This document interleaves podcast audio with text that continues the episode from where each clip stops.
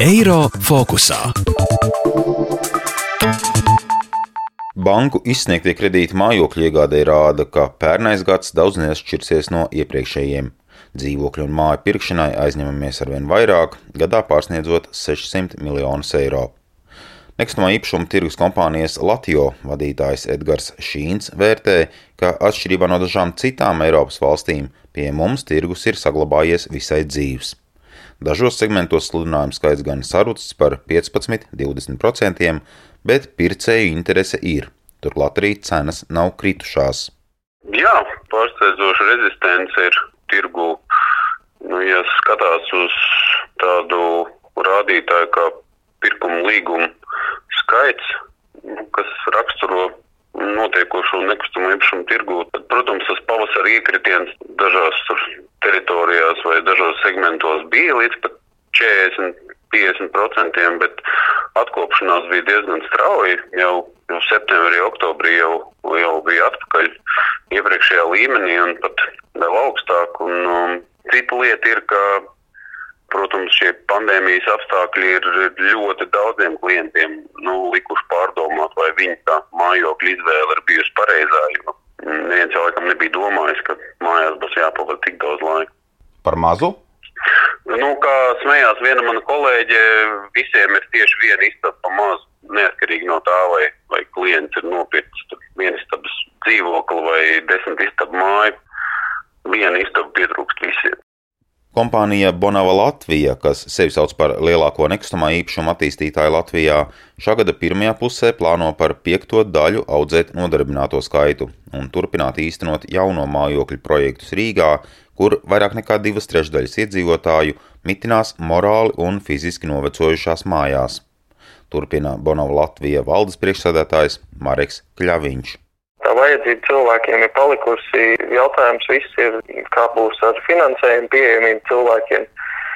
Bet cik mēs redzam nostāju tagad no bankām, tad tas finansējums ir pieejams un pat pieejams, kā mēs redzējām iepriekšējā gada beigās, salīdzinot ar 19. gada beigām, finansējums pat ir nedaudz lētāks kļuvis.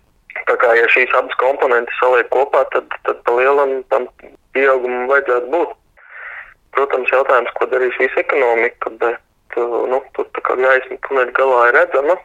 Ņemot vērā to, ka pieprasījums saglabājās un pieprasījums ar visu pandēmiju ir vajadzība, pat ir pastiprinājusies ar visu pandēmiju.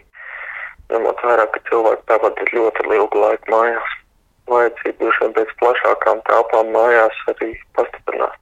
Būvniecības izmaksas gan turpināšot kāpt, jo Latvijā realizējami tādi lieli infrastruktūras objekti kā Rail Baltica, kas diktēs cenu pieaugumu arī mājokļu segmentā.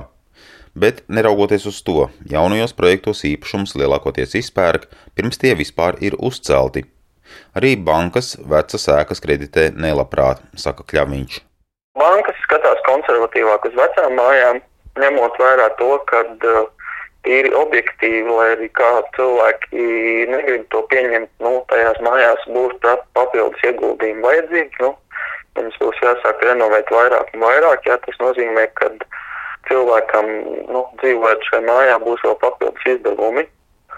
Un tas ir tas, ko bankas finansējot otrreizējo tirgu sāk vairāk un vairāk ievērtēt. Šī ķīla var zaudēt ļoti dramatiski, var zaudēt vērtību.